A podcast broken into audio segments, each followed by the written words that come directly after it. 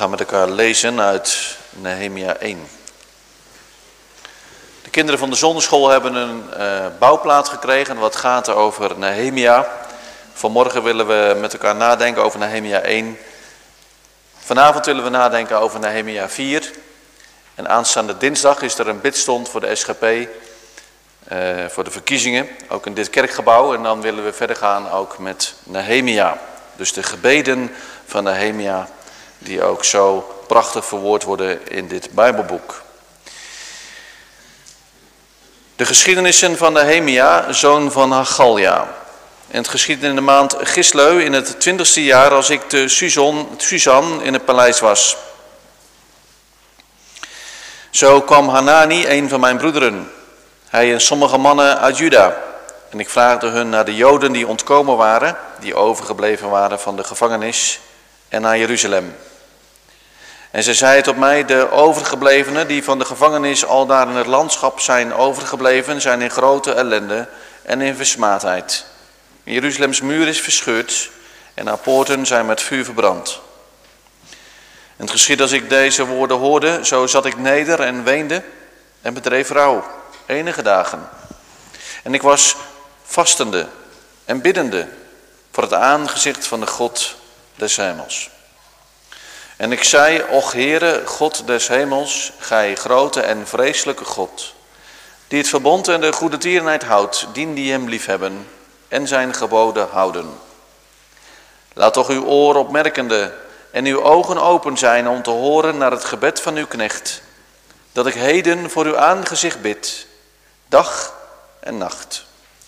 Voor de kinderen Israëls, uw knechten, en doe beleidenis over de zonde van de kinderen Israëls, die wij tegen u gezondigd hebben, ook ik en mijn vaders huis, wij hebben gezondigd.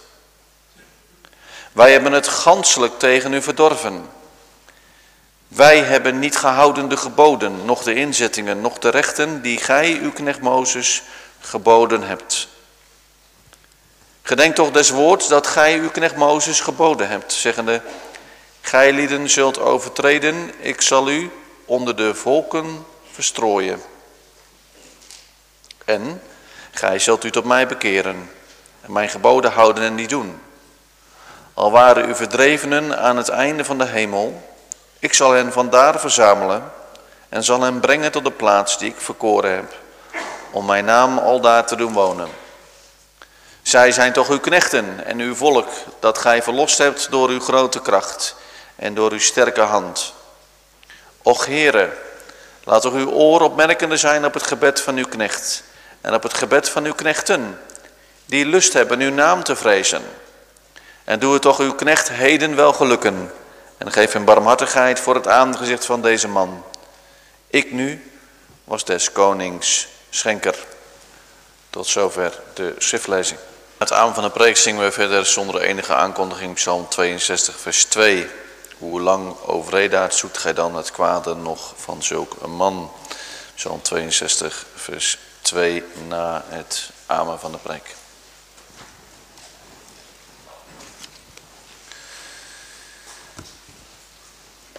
Gemeente van morgen, zoals ik al zei, en vanavond en volgende week willen we stilstaan bij de woorden uit het boek Nehemia. Het thema voor deze morgen is ontleend aan de bouwplaat van de zonderschool. Bidden is beleiden. Bidden is beleiden. Dat hebben we net zojuist ook in het gebed gedaan. Dan beleid je de gezamenlijke zonde van degene met wie je samen bidt. Nou, dat doet Nehemia ook, dat zullen we ook zien in deze tekst. We hebben twee gedachten. Als eerste Nehemia, de biddende schenker. In onze eerste gedachte gaan we eerst maar eens nadenken, ja, wie is nou eigenlijk Nehemia? Ik denk niet dat heel veel kinderen heel goed op de hoogte zijn wie Nehemia is. Ik moest ook even studeren op Nehemia. Want daar, daar, daar spreken we niet zoveel over, daar preken we niet zoveel over.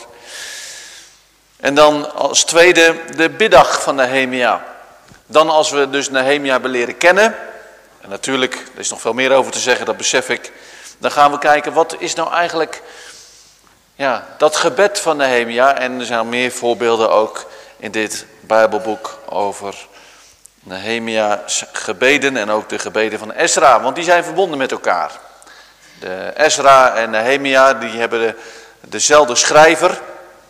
Het boek Ezra. En het is ook de laatste boeken, het laatste boek wat schrijft over de geschiedenissen van Israël in de vorm zoals we het ook zien bij koningen en kronieken en richteren en Jozua. En dan is Nehemia het slotstuk daarvan.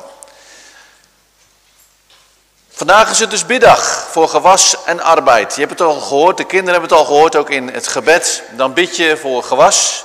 Dan bid je of de boeren een goede oogst zullen hebben. En alles wat te maken heeft met oogst. En of het nou in een kas is of als het nou buiten op het veld is. Je bent allemaal afhankelijk van zoveel factoren, van elektriciteit en van gas en van, van, van goed zaaigoed en voldoende zaaigoed en goed weer. Nou, dat zijn allemaal wat we hebben vanmorgen hebben, hebben gebeden en dat is ook wat je ook thuis weer mag doen. Want je hebt natuurlijk gehoord van Nehemia, die, die was vastende en biddende. Dat is bij elkaar verbonden. Je kan op een heleboel manieren vasten. Maar het belangrijkste van vasten is, is dat je, zo hebben we ook afgelopen dinsdag ook gehoord, op maandag gehoord met de kerkraadsvergadering, hadden we een inleiding over het vasten. Wat is nou eigenlijk het belangrijkste van vasten? Is dat je nou iets niet later dat volgens dan weer wel doet. Nee, dat je stil wordt voor God. Dat je door dat vasten nog meer geconcentreerd wordt tot wie je spreekt. En dat zie je nou precies gebeuren bij Nehemia. Nehemia die is op één ding gericht, namelijk op de eer van God. Dat is het belangrijkste. En dan hebben wij een wereldcrisis. En hebben we biddag. En dan moet je natuurlijk ook bidden voor de wereldcrisis. Dat doen we vanavond ook. Maar er is ook een crisis, een geestelijke crisis. En er is maar één uitweg uit die geestelijke crisis, is namelijk als we tot geloof komen in de Heer Jezus Christus. Dat is die zeer blijde boodschap, die we zondag aan zondag mogen verkondigen. En hoe je nou deel krijgt aan het heil, dat is het werk van de Heilige Geest. En de Heilige Geest maakt ervoor gebruik van het evangelie. Om dat hel uit te delen. Dus deze dienst. Dus daarom hebben we verwachting van deze dag. En van vanavond, iedere keer als het evangelie klinkt, dan is de Heilige Geest die mensen tot zich trekt, tot de Heer Jezus trekt en in hen uitstort vergeving van zonde, eeuwig leven, liefde tot Christus. Gewas en arbeid. Dus niet alleen maar bidden we voor een goede oogst. Is heel belangrijk, hè? dat zien we nu ook alweer in Oekraïne. Die boeren kunnen nou niet zaaien, want er is oorlog.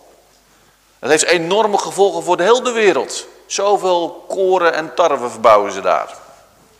En Nederland zijn we er ook van afhankelijk. Maar we bidden ook voor arbeid. Kinderen, hoe komt het dat jullie, als jullie aan tafel zitten, s'avonds of s ochtends, tussen de middag dat er brood is op de plank. Dat komt omdat je vader of moeder werk hebben. En daar werken ze hard voor, maken ze veel uren voor. Of een eigen bedrijf hebben. Of ehm, misschien ook wel zonder werk zijn. Dat kan ook. En dan krijgen ze geld van de, van de regering. En zouden ze misschien wel heel graag werken willen. Dan zie je dus hoe belangrijk het is dat arbeid er is. Dat je de gezondheid hebt om te kunnen arbeiden. Misschien zouden mensen wel graag willen werken, kunnen ze niet werken. Misschien zijn ze al buiten het arbeidsproces vanwege de ouderdom. En dan mogen ze bidden voor de werkenden. En zo is het als het ware allemaal met elkaar verbonden ook deze dag. Nou, dat zien we ook terugkomen bij Nehemia. Gewas, alles wat groeit en bloeit. De bloemen, de bijen, Heel belangrijk, de bijen, want die brengen alles weer over. Al het stuifmeel, de vogels, tarwe, aardappels, koren, koeien. Het werk van je vader, van je moeder. Je studie als voorbereiding op je werk. Je examen. Bidden is ook bidden voor land en volk. Dat zullen we ook vanmorgen horen. Nou, bidden is beleiden. zeggen met Nehemia, wij hebben gezondigd. Vandaag gaan we kijken hoe Nehemia bidt. We gaan eerst maar nadenken, wie is nou eigenlijk Nehemia? Wanneer leefde hij? Wat voor werk deed hij? Nou, hij was een schenker aan het hof van de koning Arthasastra. De Perzische koning. Dit was niet zomaar een koning van een klein koninkrijkje, van een stadstaatje.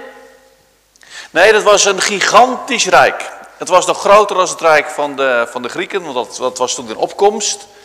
En bestreek echt van, van, van de grenzen van India tot China, tot en met Griekenland, Egypte. Je kunt dat allemaal nakijken op kaartjes. Het was een koning die zich nogal makkelijk liet beïnvloeden. Maar hij was koning van een groot rijk. Nehemia was schenker aan het hof van deze koning. Wat was nou eigenlijk een schenker?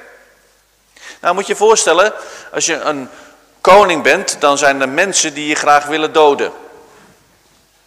Want dan kunnen ze zelf de macht grijpen. Dus wat deden ze dan? Dan deden ze bijvoorbeeld gif in de wijn van de koning. Dus wat moest je dan doen als schenker? Iedere slok die de koning nam, die moest jij ook een slokje nemen. En dan moest je even wachten, kijken of het gif niet uh, zijn werk deed. En dan mocht je de beker pas aan de koning geven. Dat waren dus hele betrouwbare mensen, dat zien we ook uit, uit, uit, uit eh, de geschiedenis van Jozef. Hele belangrijke positie, want je was eigenlijk de hele dag, stel je voor, de koning loopt te wandelen buiten en hij zegt, ik heb dorst, ik heb zin in een glas water. Nou, dan moest jij als schenker, moest jij dus dat glas water eerst even proeven. En zo continu door, dag en nacht. Dus zo'n man, zo'n schenker, die praat ook heel veel met de, met de koning. Dat zien we ook in het vervolg in hoofdstuk 2. En luisterde naar de koning en gaf hem ook advies. Dus een hele belangrijke positie. Nehemia was een Israëliet. Een Jood zouden we zeggen. Het Joodse volk was alweer terug naar Israël. Die waren teruggekeerd uit de ballingschap. Maar hij was achtergebleven, dus hij was daar geboren. Zoals je ook nu nog steeds, bijvoorbeeld ook in Oekraïne, zie je dat nou weer gebeuren. Dat daar nog steeds Joodse mensen wonen. En die komen ook terug. Ze verwachten 200.000 Joden die terugkeren uit Oekraïne naar Israël. Nou, zo waren er ook al heel veel Joden teruggekeerd uit de verstrooiing, uit de diaspora heet dat. Het volk van het tienstammenrijk en het volk van het tweestammenrijk. Waarom waren die volkeren, waarom waren de Joden, waren ze weggevoerd? Vanwege de zonde. Vanwege het breken, het niet onderhouden van de geboden, het niet afgezonderd zijn van de heidenvolkeren. Ze hadden zich vermengd. Al de straffen wat Habakkuk had geprofiteerd, was uitgekomen.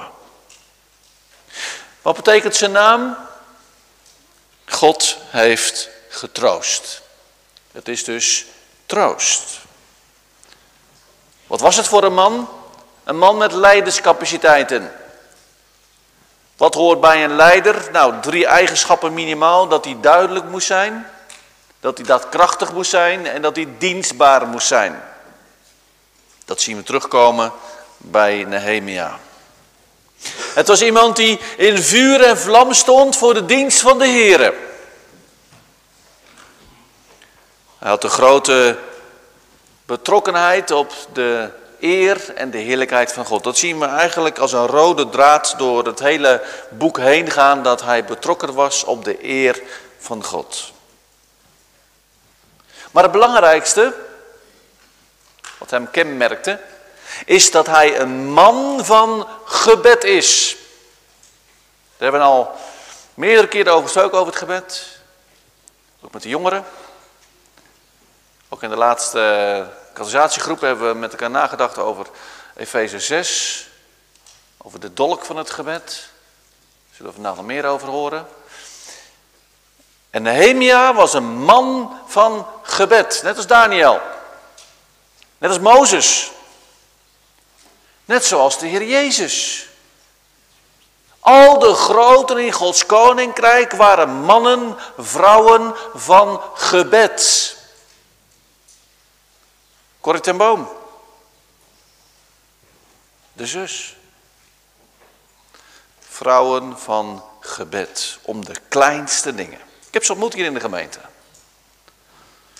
Vrouwen, mannen die bidden om, wij zouden denken om de meest eenvoudige dingen en ze ontvangen het. Dus gebed is als het ware, wat ik al vaker heb gezegd, de ademtocht van de ziel. En Nehemia is nu zo'n man die als het ware bidt zonder ophouden. Als je nou iets mee moet nemen van vandaag, kinderen, als je naar huis gaat, is dat Nehemia een man was die bidt. En bidden kunnen wij allemaal. Dus ook de kinderen. Heel eenvoudig. In het begin is, ik nog goed, als de kinderen leren bidden, vrij bidden, dan vinden ze het moeilijk. Zou ik dat wel kunnen? Ja, je kunt het. Nou, en dan ontwikkelt zich dat. Totdat ze eens een heel gebed uitspreken en je denkt van, waar hebben ze het van? En dan hebben ze het geleerd. Dus bidden kun je leren. Dat moet je ook voorgedaan worden. Nehemia heeft het ook geleerd van de Heilige Geest. Dat is het belangrijkste, dat wij ook onze kinderen van de gemeente ook opdragen en bidden of de Heilige Geest ze wil leren bidden. Dan mag je aan de andere kant ook, net zoals uh, uh, Lazarus, die was helemaal ingewikkeld. Wat moesten de mensen doen? Die moesten hem even weer uitwikkelen. Dus de Heer gaf een bevel. En dan geeft de Heer ook mensen om dat te leren. Nou, zo zet God, gebruikt God mensen om andere mensen te leren bidden. Hij was een leider, duidelijk, dienstbaar en daadkrachtig. Ook een man van gebed voor de medemens, dat zien we ook in het vervolg van dit hoofdstuk. Een man vol van wijsheid, we zullen dat zien, ook in de komende preken. Nou, wanneer leefde hij? 445 voor Christus. Dus dat is bijna voor de periode van de Maccabeeën. Er is een tijd geweest, dat is diep beschreven in de Bijbel. Maar dat is de tijd die aanbreekt nadat de muren van Jeruzalem weer herbouwd zijn en de tempel is herbouwd en de eerdienst is hersteld. Dan krijg je de tijd van de Maccabeeën, de tijd van de Judaïsten. En dat is zeg maar, de tussenperiode tussen het Oude Testament en het Nieuwe Testament. En dan net voor die periode leeft Nehemia. Nehemia heeft twaalf jaar in Juda gewoond. Dat lees in hoofdstuk 2. Van zijn twintigste jaar tot zijn 32ste jaar. En het was de tijd na de ballingschap. Nou, wat is er nou precies aan de hand? Nu gaan we eens inkijken van nou, we weten nou wie hij is, we weten wat hij deed, we weten wanneer hij leefde. We weten ook wat voor werk hij deed, hij was een schenker, belangrijk beroep. Maar wat was er nou precies aan de hand? Nou, dan kijken we eens in de Bijbel, vers 1. De geschiedenissen van Nehemia, de zoon van Hagalia. Het geschiedde in de maand Gisleu, in het twintigste jaar, als ik de Suzan in het paleis was. Gisleu, dat is de maand november, december. Um, en, en, daar in het gebied, dan, uh, dan heb je, had je verschillende klimaten ook. Hè. Was natuurlijk zo groot, je had daar de woestijn, je had daar, je had daar um, uh, dikke, dik, dik beboste gebieden, je had daar de gebergtes. Het kasteel Suzan, dat was het zomerpaleis. En ik zei al, hij had als beroep dat hij dat hij schenker was, dus hij moest mee waar de koning heen ging. En de koning ging in de maand Gisleu naar het paleis Suzan, het zomerpaleis. Nou, en daar komt zijn broeder Hanani. Hanani, die ook beschreven wordt als een zeer godvrezend man. Dat lezen we onder andere in hoofdstuk 7. Nou, in dat gesprek dat wordt beschreven hier in het eerste hoofdstuk. En meteen stelt Nehemia de vraag aan Hanani, hoe is het in Jeruzalem? Hoe gaat het daar? Die man die zo'n grote positie had aan het hof van de koning uh, Artasastra, die, die vraagt dus, hoe is het met de mensen op de puinhopen van Jeruzalem? Het was een puinhoop. Was, de muren waren met vuur verbrand. De poorten waren in, in brand gestoken. Alleen maar verkoolde resten. Als je de beelden nu ziet van Oekraïne, hoe, hoe die artillerie steden beschiet en compleet vernietigt. Nou, zo, zo zag Jeruzalem er ook uit. Compleet vernietigd. Mensen leefden in, in, in, in afdak, onder afdakjes, in, in, tegen de muur, stukken muur hadden ze alweer gebruikt om een beetje een onderkomen om elkaar te stapelen. En er was een grote, een grote vernietiging. Hier zien we dus Nehemia als leider dat hij zich interesseert in datgene wat daar gebeurt in Jeruzalem. Het was voor hem niet ver weg, maar hij was bewogen. En bewogenheid gaat over tijd en afstand heen. Nou, bent u ook zo bewogen? Allereerst voor onze eigen gemeente, maar ook ons eigen land. En in bijzonder ook vandaag, Oekraïne. Mensen in Syrië. Ja, dat gaat ook nog steeds door.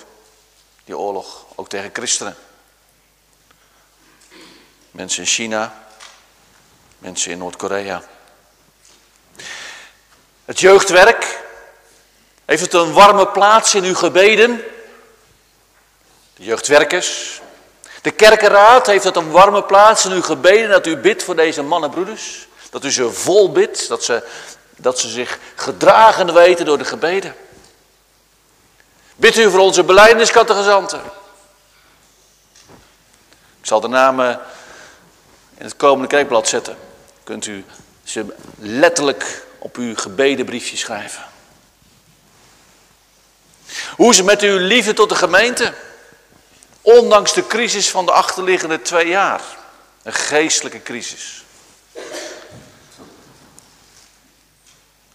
Ben je brandend van verlangen om de Heer te dienen in zijn koninkrijk? Op welke weg loop je? Breed of smal? bewogenheid met elkaar. Het antwoord waarom dadelijk Nehemia gaat bidden is zeer ernstig. De overgeblevenen die van de gevangenis al daar in de landschappen zijn overgebleven, zijn in grote ellende en in versmaadheid. En Jeruzalems muur is verscheurd en haar poorten met vuur verbrand. Slecht nieuws. Wij horen ook slecht nieuws. Iedere kerkraadsvergadering proberen we zoveel mogelijk het pastoraat te behandelen. De geestelijke toestand van de gemeente. Dan horen we blijde zaken, verheugende zaken. Dan horen ook verdrietige zaken. Mensen die niet geloven in de Heer Jezus. Kinderen, kun je dat voorstellen? Dat er mensen zijn in deze gemeente die niet geloven in de Heer Jezus als hun borg en zalig maken. Die zijn hier in deze gemeente. Daar worden wij, daar zijn wij bewogen mee. U ook, hoop ik. Dat is precies wat Nehemia hoort. De toestand is verschrikkelijk. En als we alleen iets verder kijken als ons land, de geestelijke toestand in Nederland. Dus iets verder kijken als ons dorp en kijken naar Nederland. De toestand is verschrikkelijk in Jeruzalem. Esra had 13 jaar geleden toestemming gekregen om naar Jeruzalem te gaan, om daar weer de tempel te gaan herbouwen en de muren te gaan herbouwen. Echter, hij kreeg enorme tegenstand van Rehum de kanselier. Dat was een soort, iemand die als een soort stadhouder daar regeerde, een soort voorzitter van allerlei lokale overheden. Die zagen het als een bedreiging dat die muren weer herbouwd werden en gingen er tegenin. Ze stuurden een brief naar de koning. U wilt toch niet dat Jeruzalem weer een grote en sterke macht wordt. Dus daarom moet u verbieden dat daar een muur gebouwd wordt. En de herbouw was tot stilstand gekomen, lezen in Esra 4. Nou, wat gaat Nehemia doen? Dat lezen in vers 4. Lees maar mee. Het geschiedde als ik deze woorden hoorde.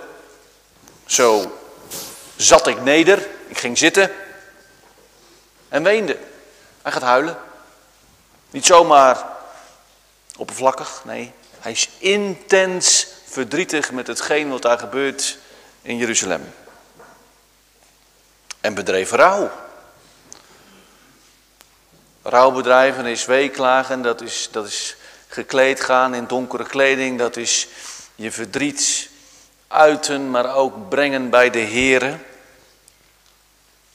Waar komt het in uitdrukking? Ik was vastende. Hij gaat vasten. En bidden.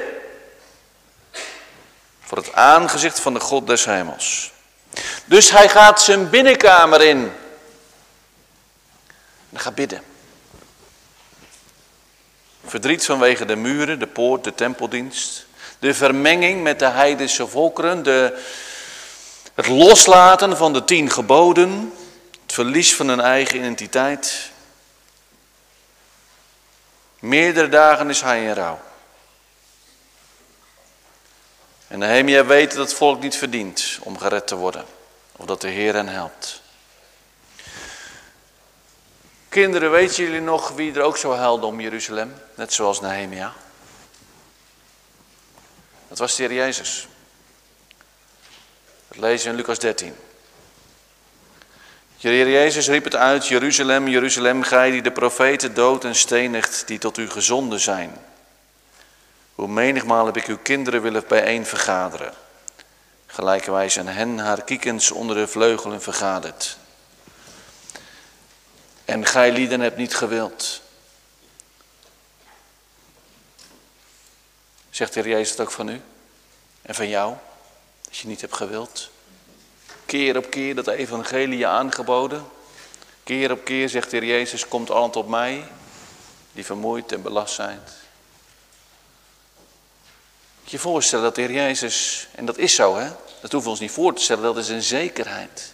Dat de Heer Jezus ons nu ziet, zo aankijkt en aankijkt. En dwars door alles heen kijkt. En onze harten ziet.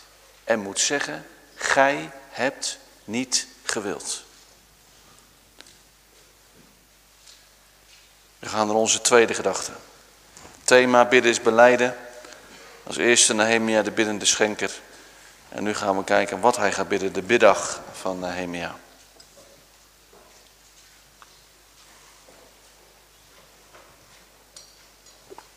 Nehemia bidt niet voor zichzelf, het gaat hem om de eer van God. Zodat de banier van de heiland van de Heer Jezus Christus weer zou wapperen van de muren van Jeruzalem. Dat de tempel weer in volle glorie hersteld zou worden. En daarom gaat hij bidden. En dat is zo aangrijpend, wat hij bidt. Dat zien we in vers 5. Och, heren. Alleen dat eerste woordje al. Och, heren. God des hemels. Gij grote en vreselijke God, die het verbond en de goede tierenheid houdt, dien die hem liefhebben en zijn geboden houden.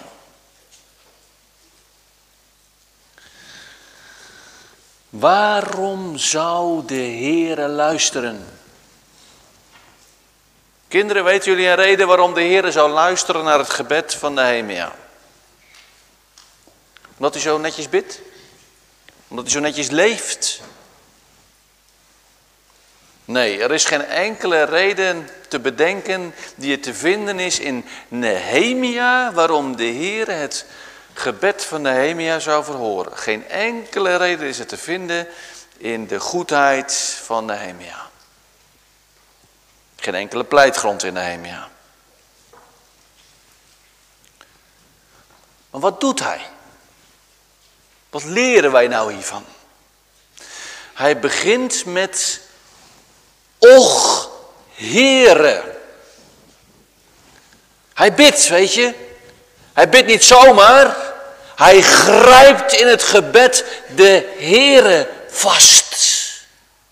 Om hem nooit meer los te laten, zoals Jacob daar worstelde met de Heere.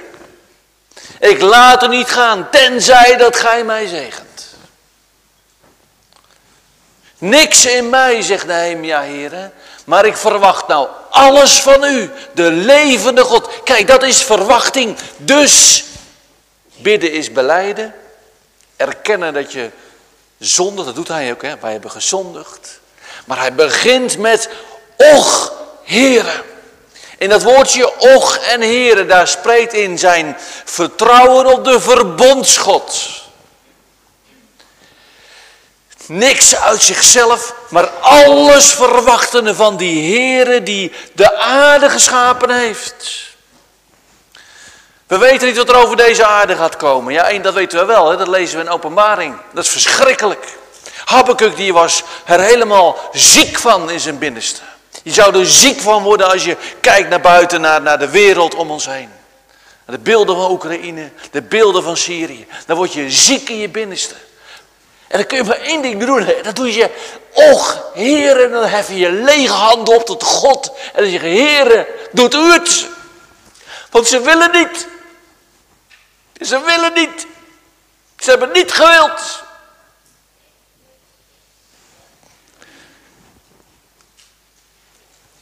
De naam van God, Heere, met hoofdletters geschreven. De verbondsgod, dat is de reden waarom Nehemia met vrijmoedigheid bidt. Hij, is de, maar heeft maar één pleitgrond. Kinderen, wat hebben we gezongen? Psalm 81, hè? Dat weet je. Doe je mond wijd open. Niet omdat jij nou je mond open doet. Nee, omdat je vertrouwt. Omdat je verwachting hebt van de God van het verbond. De getrouwe, ik zal zijn die ik zijn zal. Met die naam wil God aangeroepen worden van geslacht tot geslacht. Van kind tot kind. Van volwassene tot volwassene. En wat vervult het je dan met blijdschap als je ziet dat kinderen tot geloof komen en het verlangen uiten om beleidenis van het geloof af te leggen. Als ouderen middelbare leeftijd, mensen het verlangen uitspreken om de Heer van harte te dienen. Dus niet zomaar een klein beetje, maar van harte te dienen. En het bidden, och, Heere.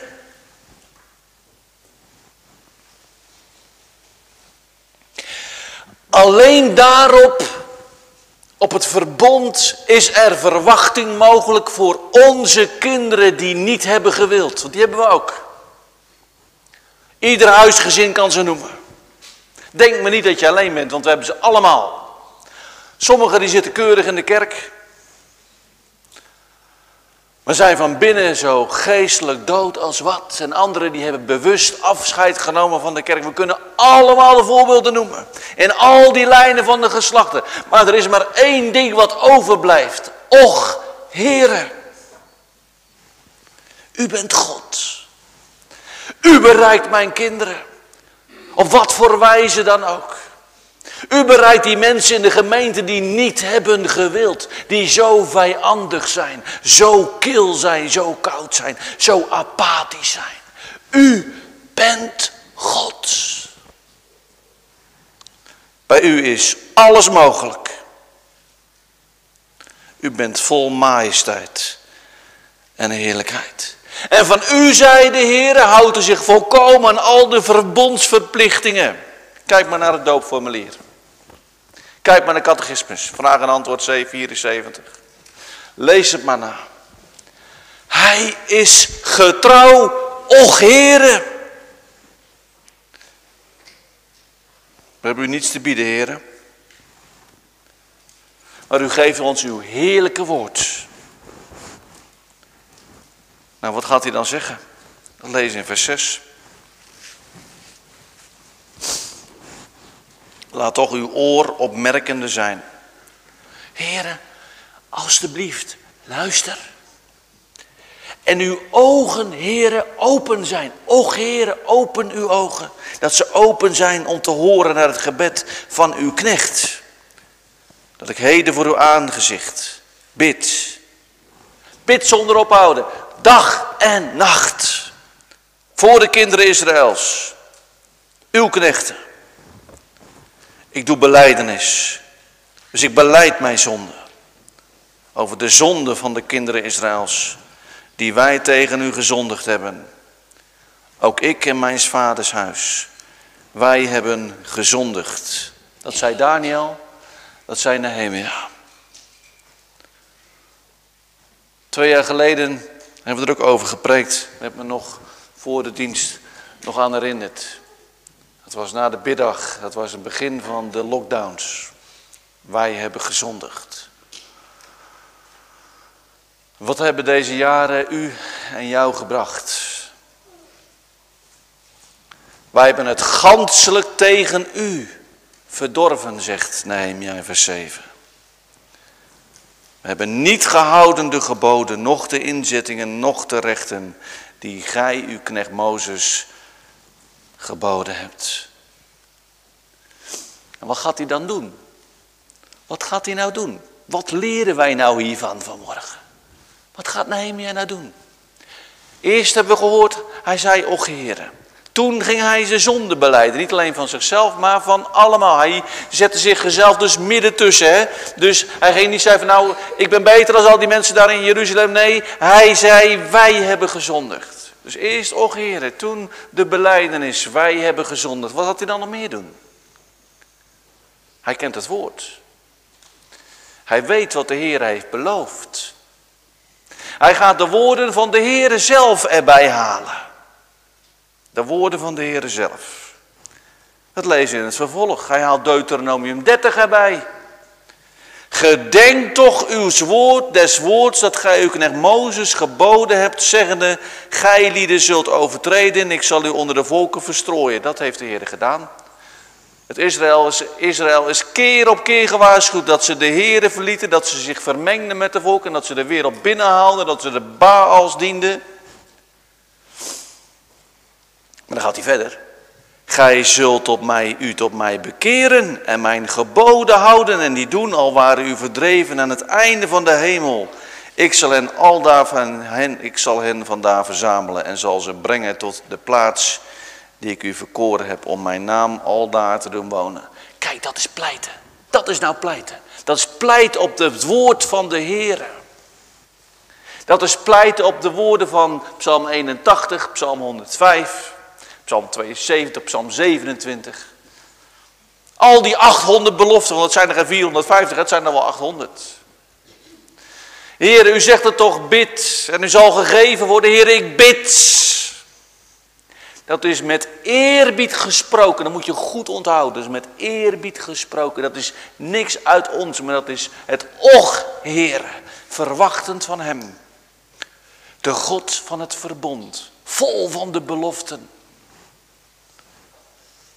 Heer heeft beloofd, als het volk zich zou bekeren tot u, dan zou u ze wederkeer, zou ze terugbrengen in Jeruzalem. Deuteronomium 30. Het heeft u beloofd, Heer. Het is uw, uw volk, u bent de verbondsgod. En u heeft uw volk teruggebracht. Lees in vers 10, ze zijn toch uw knechten en uw volk die gij verlost hebt door uw grote kracht en door uw sterke hand. Heer, u heeft dat volk uitgekozen. Heer, u heeft deze kinderen laten dopen, deze volwassenen laten dopen.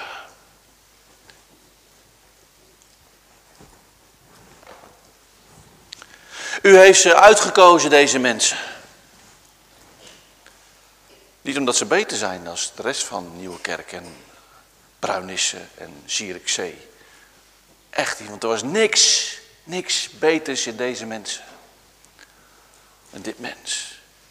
Het is het welbehagen van de Heer dat Hij zijn verbond heeft gesloten met u en met onze kinderen. En wat wij alleen maar kunnen beleiden, want bidden is beleiden, wij kunnen alleen maar beleiden, wij hebben gezondigd. Wij zijn ontrouw geweest aan het verbond. Maar de Heere is getrouw. Dan sluit hij af met vers 11. Och, Heere, voor de tweede keer. Laat toch uw oor opmerkende zijn op het gebed uw knechts en op het gebed van uw knechten, die lust hebben uw naam te vrezen. En doe het toch uw knecht heden wel gelukken. En geef hem barmhartigheid voor het aangezicht van deze man, dat is van de koning. Ik nu was des konings schenker. De enige pleitgrond voor ons en onze kinderen is het verbond. Is de God van het verbond. Van onze zijde is het totaal verloren. Dan kunnen wij alleen maar zeggen, heren, wij zijn zondaren, wij hebben gezondigd. We brengen alleen maar schuld mee. Maar we mogen onze handen leggen op de beloften van het woord. Weet je wat Luther zei? Dat staat ook op die bouwplaten, kinderen. Heb je het gelezen? Dag 1. Wat zei Luther? Wat doe je nou in het gebed? Wat doe je dan? Ik zei net al, staan 800 beloften in het woord. Luther zegt, als je bidt, dan pak je die hele zak, die rugzak van 800 beloften, die stort je uit voor het aangezicht van de Heer. Dat is dus niet brutaal. Van mag dat wel? Nee, dat is met vrijmoedigheid. Omdat de Heer het zelf heeft beloofd. Heeft gezegd. Dan schud je die belofte uit in het gebed en zeg Heer, hier zijn ze. Net zoals Nehemia. Heer, u heeft het beloofd dat het volk teruggehaald zou worden. Dat heeft u gedaan. Heer, och Heer, u weet hoe de toestand is. Och Heer, u weet hoe de toestand is van deze gemeente. Van die jongen, dat meisje, die man, die vrouw. Heer, ik breng ze bij u.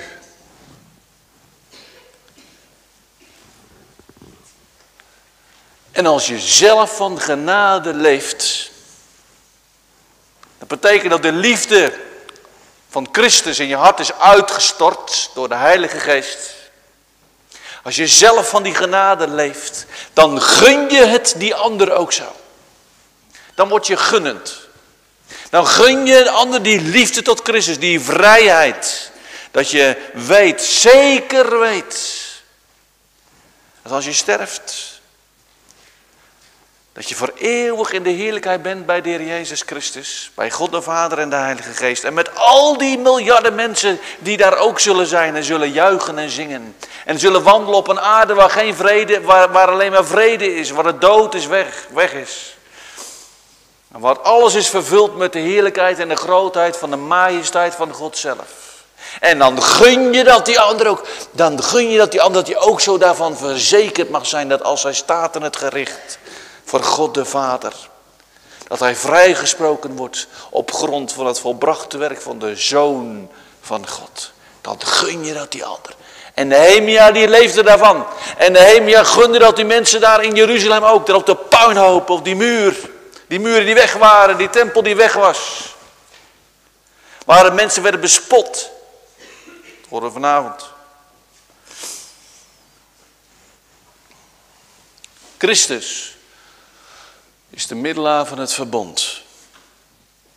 Christus heeft aan het kruis gehangen. Christus heeft het uitgeroepen, het is volbracht. En daarom is ook de enige reden waarom we hier vanmorgen zijn en vanavond zijn. En de enige reden waarom het evangelie uitgaat, is op grond van het volbrachte werk van Christus.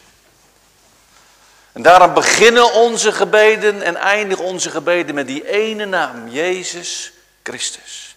Want als nou iets de liefde laat zien, dan is dat de liefde van Christus. Die hij heeft voor zondaren, voor zondige kinderen. Want we kunnen alleen meebrengen zonde en schuld. En wij worden alleen maar verlost van die zonde en schuld door het geloof in de Zoon van... Kijk, dan wordt het werkelijk middag. Als je zegt, Heere, het is uw genade. Het is uw gave.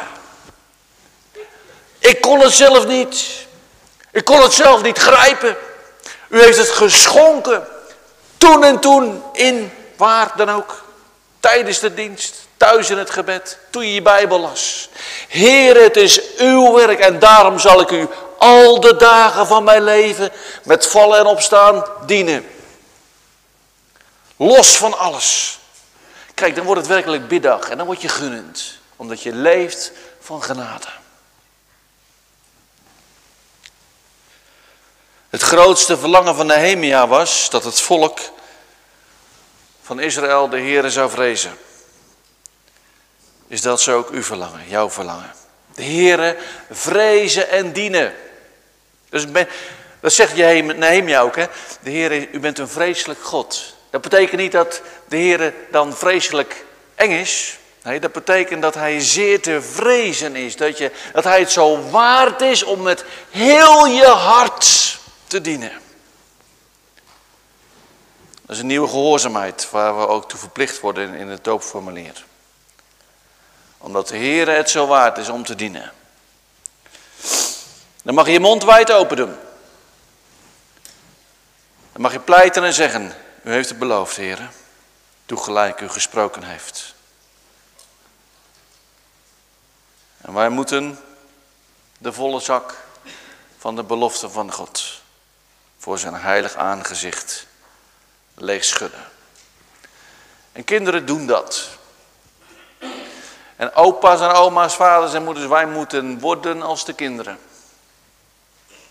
Kijk maar eens goed. Luister maar eens goed als een klein kind bidt. Luister maar eens goed.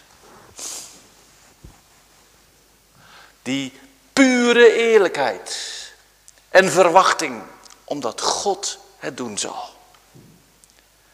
Schud de zak van Gods belofte uit voor zijn deur. Want God kan niet om zijn eigen woord heen. Amen.